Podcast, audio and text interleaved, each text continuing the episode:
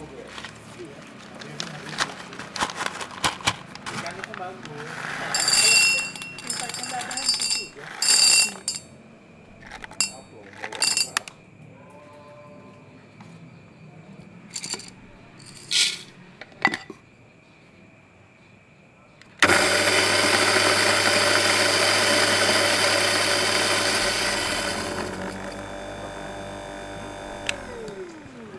Halo, selamat malam. Selamat datang di Kesa Mati Samarinda. Eh, kita di sini ngebahas kopi-kopian di Samarinda. Malam ini kita sudah di Loa Bakung di Kopi Bonco. Sudah sama yang punya juga. Halo Mas, selamat malam. Selamat malam Mas. Dengan Mas siapa? Eh, dengan Mas Ponco? Oke, Mas Bonco. Berarti ini Kopi Bonco pakai namanya sendiri. Iya betul. Eh, pakai nama saya sendiri. Coba ceritain Mas, eh, awal mulanya Kopi Bonco ini dari kapan? Awal mula terbentuknya Kopi Ponco itu pada tanggal 1 Desember 2019. Itu saat itu Hampir 2 tahun ya. hampir 2 tahun. Kenapa buka warung di sini, Mas? Nah, kenapa? rumah bukan? Eh, rumah sendiri Mas. Nanti rumah. Nah, kenapa aku buka kopi di Loa Bagong itu karena memang saat itu Pulau Bagong ini belum ada kopi yang memang eh, menjual kopi-kopi untuk manual brew. Jadi ya fokusnya. karena karena saat itu pandemi, mulai start mulai pandemi awal tuh. Dan saat itu kami coba ini ada modal, modal yang memang statis yang yang modal itu aku dapat dari waktu aku kerja dulu sebelum aku resign. Oh jadi ini sekarang bener-bener cuman dari sini. Bener-bener penghidupanku cuma dari kopi ponco ini sendiri. Sebelumnya kerja apa? Sebelumnya aku pertama itu di hotel, kedua terus main di event management, jadi IO. Oh, oh. Begitu COVID melanda, IO ini mati total. Dan aku punya modal, aku baca peluang nih, aku cobalah bikin itu kedai kopi. Pertama kopi ini sebenarnya namanya bukan kopi ponco. Kopi pertama itu saya akan buat karena ini di wilayah Hello Bakung itu kopi Loa Bakung. Seiring waktu setelah aku konsultasi ke teman-teman tentang brand segala macam, ternyata kalau kita coba create usaha dengan nama kita sendiri itu informasi dari mereka itu akan akan akan naik. Makanya saya semalaman mikir akhirnya muncullah kopi ponco ini sendiri. Oke, berarti dengan pakai nama sendiri itu mungkin lebih spesifik. Iya, dibandingkan kalau ini kan lokasi di Loa Bakung. Hmm.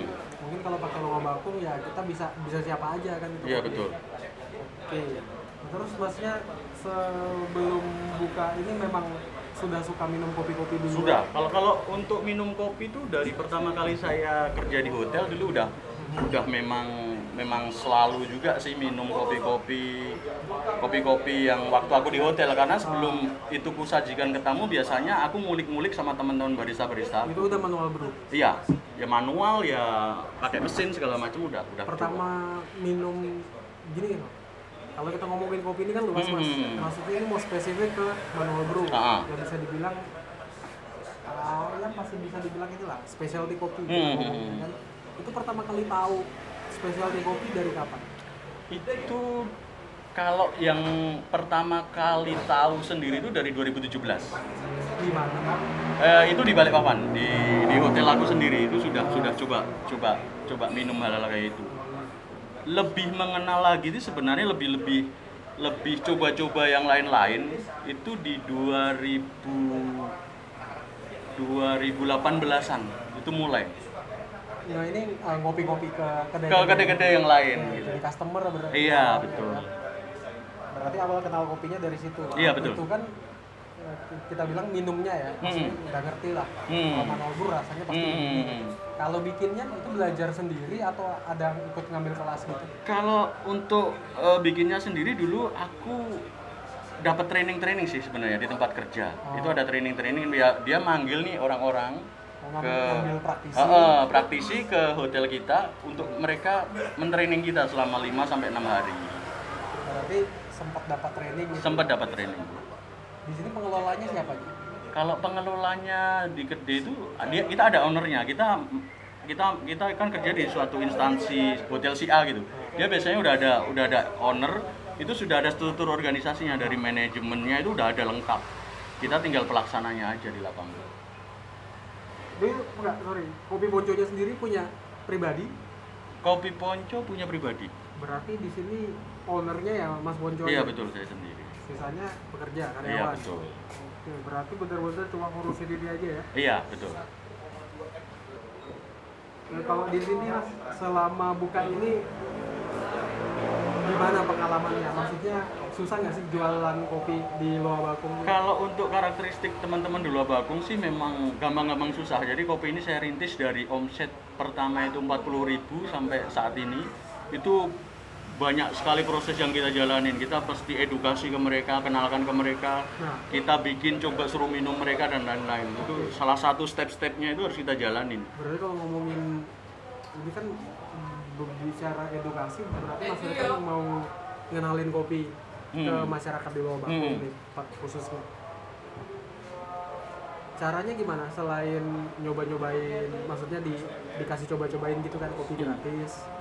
Jadi gini, waktu itu aku coba mengedukasinya teman-teman itu. Aku setiap Jumat itu ada program ngopi sepuasnya bayar seikhlasnya mas. Jadi teman-teman itu memang saya create untuk datang ke sini. Kamu silahkan ngopi di tempatku. Sepuasnya kamu mau arabica, mau kopi susu, mau kopi B yang lain itu nggak masalah. bebas. Bebas. Mau minuman apa pun yang tersedia di kedai saya tidak hanya sekali. Jadi berkali-kali pun nggak apa-apa. Silahkan masukkan dengan dana sukarela itu yang mulai saya kira ya. iya itu yang saya saya maintain selama satu tahun empat bulan akhirnya program itu saya stop akhirnya sekarang kon concern ke kopi-kopi yang memang kita jual dengan tidak menjual apa ya dengan se- seikhlasnya tadi memang kita edukasinya model yang lain gitu Berarti uh, program itu di stop bukan karena rugi ya? Bukan, Tapi- bukan, tapi, bukan. Tapi karena memang sudah sudah akhirnya- masanya harus kita lepas program itu Berarti maksudnya yang dicari itu sudah dapat. sudah sudah Makanya karena sudah dapat, ya udah di Iya. stop aja program. iya itu. iya. Berarti kalau itu termasuk bagian dari membangun customer relationship di Kopi Ponco ini. Eh, kalau kalau itu salah satunya, tapi Kopi Ponco punya strategi lain dalam arti kata membangun relationship itu kita lebih membuat kedai ini seperti seperti homey. Jadi mereka itu kalau di kedai Kopi Ponco itu ngerasa satu kayak di rumahnya dia sendiri lebih nyaman. Kedua eh, kedai kami itu menyiapkan bar itu untuk seluruh masyarakat sini. Dia open bar. Oh, Mau belajar di sini, mau mereka nyeduh sendiri, mau bi- mereka bikin kopi sendiri, kita welcome. Berarti di sini uh, barnya welcome. Welcome, siapa pun boleh masuk ke bar kami. Boleh tanya-tanya juga. Boleh. Boleh sharing juga di sini. Boleh sekali. Sampai tanya-tanya. Ya, Teman-teman barista banyak. teman-teman barista alhamdulillah selama ini banyak dari kedai-kedai lain juga datang, sering kita sharing juga, ngobrol-ngobrol di kedai kita. Bagaimana sih karakteristik kopi ini, customer ini seperti apa? Selalu kita diskusi-diskusi juga di sini. Mas, kalau Mas Ponco ngelihat perkembangan kopi di Samarinda itu gimana sih? Ya khususnya dari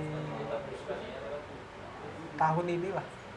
Kalau untuk tahun ini nih jujur ini tahun terberat nih untuk perkopian Samarinda. Dengan banyak kan banyak kali diterapkan PPKM ini, ini PPKM yang udah kedua ini sangat berat. Karena memang kita dibatasin sampai dengan jam 21.00 pertama. Kedua, kita hanya boleh melakukan take away sesuai dengan edaran eh, wali kota Samarinda dan gubernur waktu itu. Jadi kita sebagai kedai juga harus apa ya memutar otak nih. Memutar otak untuk untuk memasarkan kopi-kopi kita biar kita tetap eksis. Intinya untuk bertahan lah.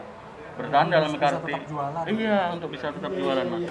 Jadi memang ini masa-masa terberat untuk kita kedai-kedai kopi Samarinda ya kita berupaya untuk mengatur strategi-strategi yang menarik dengan mungkin menggiatkan sosmed kita dan lain-lain. Terus cara kopi Ponco nyikapinnya gimana?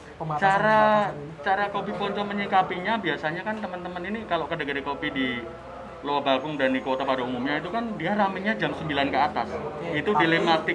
mal- justru yang jam segitu malah disuruh tutup. justru disuruh tutup. Itu dilematis buat kita. Jadi strategi yang kopi ponco lakukan adalah kita mengkampanyekan ngopi pagi itu lebih nikmat jadi kita merubah mindset eh, customer customer kita bahwa saya ngopi pagi itu juga asik tuh gitu loh Berarti eh, singkatnya jam ngopinya yang di iya yang digeser ke belakang lagi iya Yang tadinya malam jadinya pagi. pagi Karena malam kan ya itu kita Iya. dibatasi banget kan.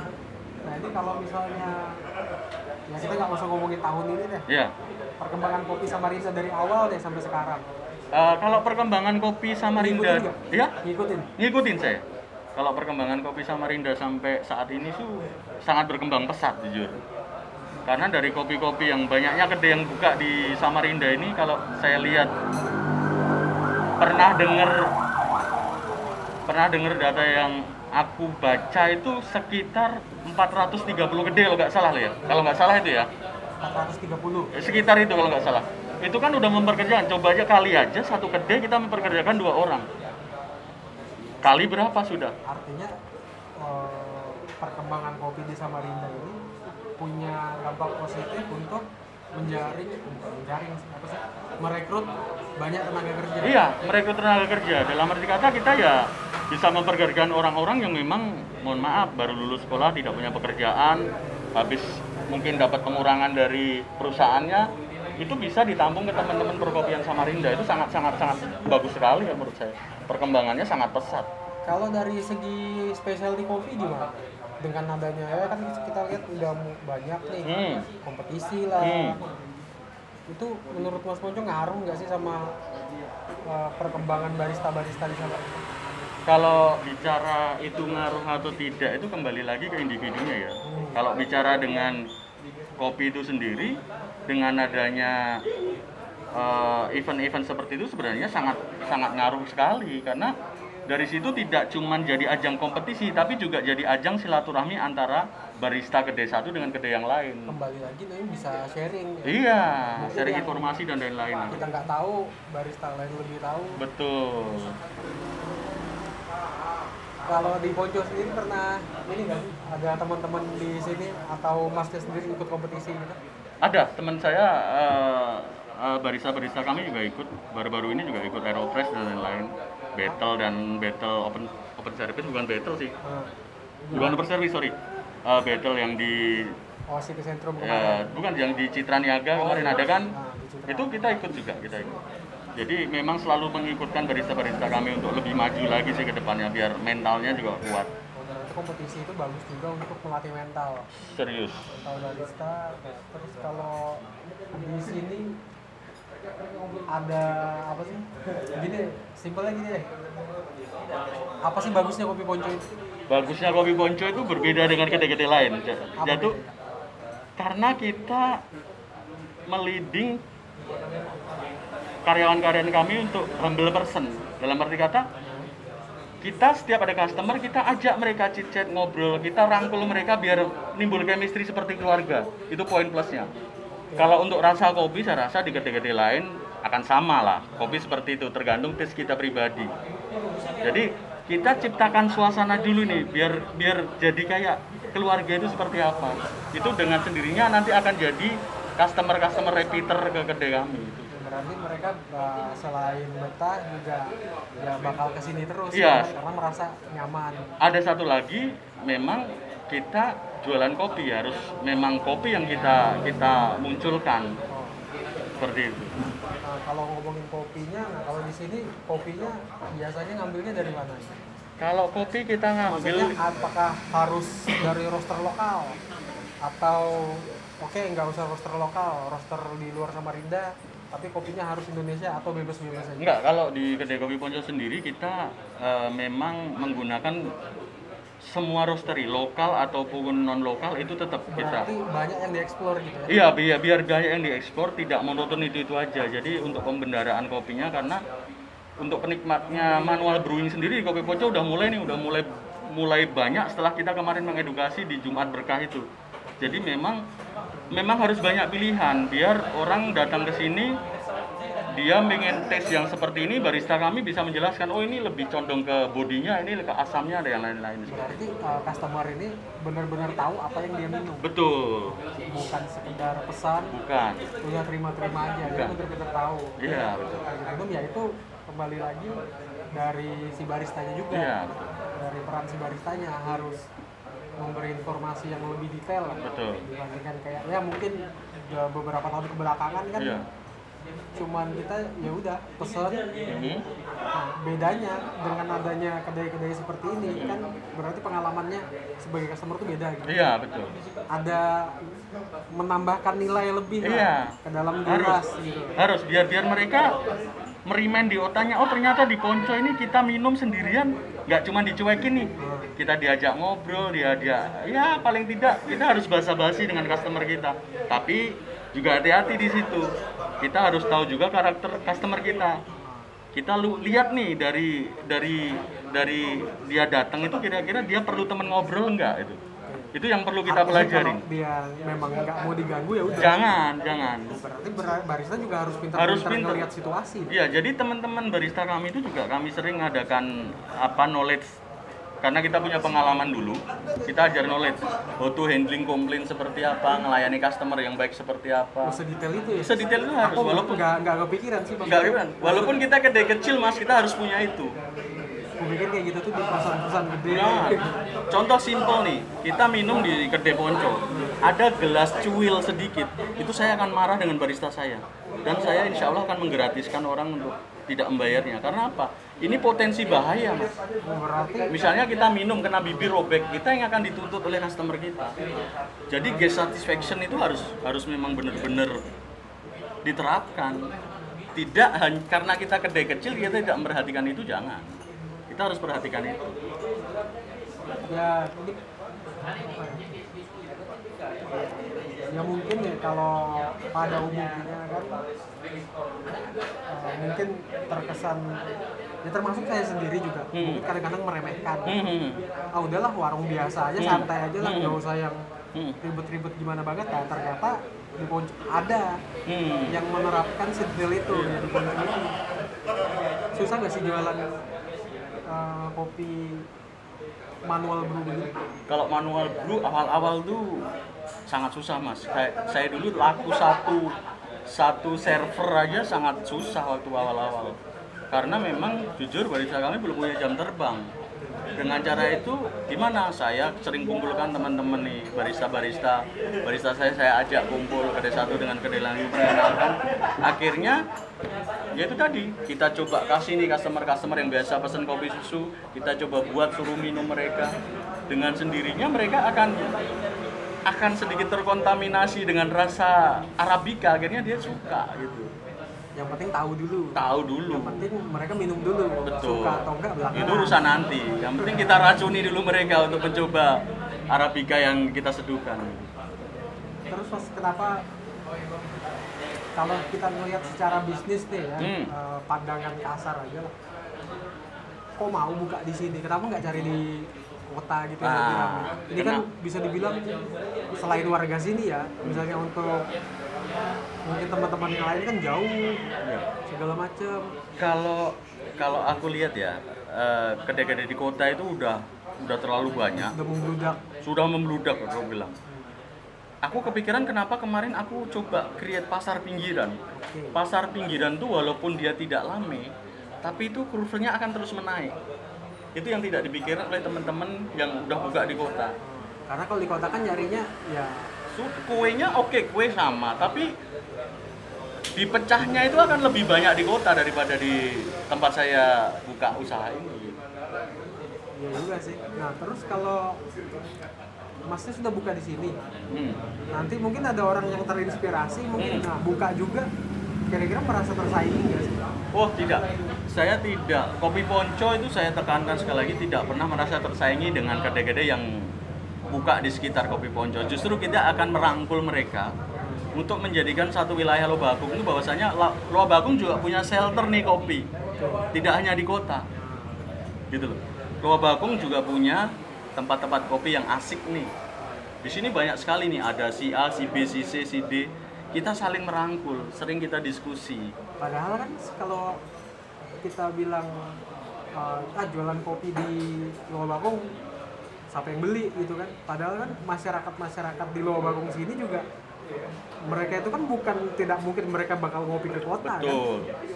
nah terus kalau misalnya sudah ada di sini ya bisa jadi pilihan baru gitu kan Jadi gini mas, biasanya customer-customer itu punya punya titik kebosanan. hmm. Kalau contohnya saya sendiri ya saya sebagai owner saya ngopi di satu tempat saya ngopi di situ terus itu akan bosen jadi kita memang perlu keluar untuk merefresh nih. Merefresh. Karakteristik customer Lobakung itu di Rebo malam Kamis itu sepi malam Minggu itu sepi. Mereka akan lari ke kota. Jadi pasar sisanya di hari itu itu perlu kita create. Orang nggak pernah memikirkan ke situ. Kalau kita mau ngopi contohnya gini kalau kayak saya misalnya nggak mungkin kan semingguan mau ke kota terus kan nggak mungkin. Jauh juga. Nah satu jauh. Belum lagi kalau hujan dan lain-lain belum lagi potensi bahaya di jalan kalau ada di Loa Bakung kenapa kita tidak ngopi di Loa Bakung di hari-hari yang memang dia tidak pergi ke kota ya Iya. paling deket aja dulu itu dia Nah kalau di sini kan tadi katanya eh, sebagian besar yang datang ke sini mungkin belum tahu manual brew. hmm. Jadi diedukasi, Hmm. dikasih icip-icip. Hmm. Nah itu kalau yang belum tahu. Hmm. Kalau yang datang ke sini pernah nggak yang ngajarin maksudnya pendekar gitu? oh banyak banget mas Ada juga. banyak mas tapi tapi kita menyikapinya gini Eh, menyikapinya biasanya kalau pendekar-pendekar ke sini saya open bar loh ini aku bilang ayo coba kita nyeduh sama-sama nih tidak perlu kita bayar kita minum sama-sama kita rasain sama-sama kan lebih nyaman tuh Ya. kopi itu tidak bisa diperdebatkan kopi itu hanya bisa dirasakan dan nikmatin bro Tapi ada yang debat nggak sih? Pernah ada. pernah ada pernah ada pernah ada pernah Jago, ada emang jago orangnya. Iya, walau alam. walau alam. Tapi memang memang kopi itu tidak tidak untuk diperdebatkan, tapi untuk dinikmati. Berarti uh, untuk kopi pojok sendiri misalnya ada pendekar yang datang, justru malah Tertantang kita mas, ya bu, untuk ngasih yang terbaik. bukannya sebel malah ya Senang, senang, senang, senang, senang. Aku juga dulu kalau pendekar datang itu ya agak agak nggak suka lah ya. Hmm. Cuman kalau makin ke sini, justru kalau orang-orang seperti itu menurutku dibutuhkan. Iya, kita perlu challenge. Kita perlu challenge mas. Ya, ya itu perlu, perlu untuk mengkritisi kedai kita itu perlu. Ya, Karena kalau tanpa ada kritisi dari mereka, kita juga nggak akan maju. Kita nggak tahu salah kita di mana. Kita nggak tahu kekurangan di mana, di mana. kita- yang datang juga ya udah basa-basi Hmm. dipuji mau enak gak enak tetap dibilang enak Iya, betul. akhirnya kita merasa terbuai lah Iya betul. Karena kalau kopi ini jujur kita butuh konsistensinya itu yang susah. Kita hanya dua hari ini besok belum tentu sama. Kalau untuk konsistensi di kopi ponco gini ada SOP khusus gitu Ada sih SOP khusus, biasanya SOP standar yang kita kasih ke barista-barista saya itu basic. Nanti mereka pengembangannya, ayo lihat di YouTube, ke kedai lain, tanya-tanya ke barista lain. Pokoknya Baru kamu ngulik. Iya, biasanya aku siapkan satu bins khusus atau dua bins itu untuk mereka ngulik, mereka belajar. Untuk mereka belajar itu ada. Memang aku udah sparekan itu untuk mereka belajar. Biar mereka tidak melulu cuman kita suruh kerja, tapi juga kita suruh mereka belajar, kita dampingin. itu kan berarti termasuk bagian eh, tanggung jawab kita ke customer yang Iya. artinya siapa pun yang surfing di sini Mhm. itu bener-bener udah belajar Betul. nggak sekedar bikin asal-asalan gitu Tapi kan sayang juga mas, misalnya mas nih datang dari jauh-jauh ke Kopi Ponco, ternyata seduanya gitu-gitu aja kan juga saya nggak enak. Makanya barista-barista saya saya bekelin basic nih. Untuk pengembangannya nanti silahkan ke kedai lain kita ngopi. Biasanya di hari Senin tuh saya datang ke kedai sama karyawan-karyawan saya ke si A si B si C. ya termasuk barista-barista juga kayak gitu kan berarti nggak rugi mereka. Iya betul. artinya customer dapat treatment yang bagus Uh-huh. karena baristanya sudah teredukasi dengan baik bisa kita bilang begitu barista-baristanya sendiri juga difasilitasi ya Iya. termasuk dengan bins-bins tadi Iya kan. untuk berkembang. mereka nggak sekedar bikin pas ada orang pesan doang Enggak. tapi mereka bisa belajar ya mungkin waktu lagi nggak sibuk Iya. dan lain-lain gitu memang harus kayak gitu sih. Betul. Menarik sih buka di Loa Bakung ya mungkin kita tunggu lah mungkin yang eh selain di Loa Bakung di mana sih yang buka-buka di pinggir-pinggir kota Samarinda gitu Pinggir kota Samarinda itu sebenarnya di seberang itu potensi potensi pasarnya bagus di seberang. Nah, di Samarinda seberang itu potensi pasarnya bagus. di Lempake ada tuh Lembake. ada Ada. kopi sawah namanya Kopi Aku- sawah. aku belum ke sana sih Aku belum pernah ke sana juga sih.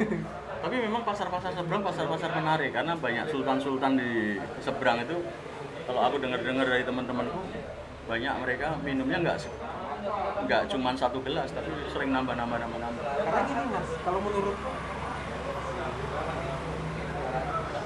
kalau orang dari ya mungkin dari tempat-tempat yang jauh, misal kayak di Lempake, Luar Bakung, mereka aja mau ngopi di kota, kan bukan tidak mungkin orang yang tinggal di tengah kota mereka mau pergi-pergi ke pinggiran. Hmm. ngopi karena pengalaman baru tadi kan. Iya, betul. ya mungkin udah jenuh di kota. Iya betul. Dengan segala hiruk pikuknya. Hmm.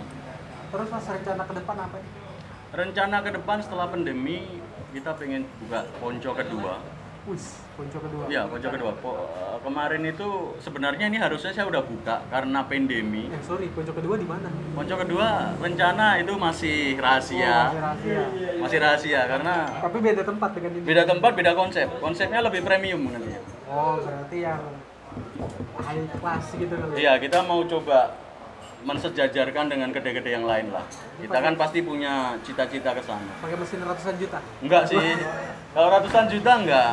Kita pakai paling ya yang murah-murah aja lah, Mas. nggak murah-murah banget sih itu. Ya enggak murah-murah banget, tapi bukan murahan gitu, Mas.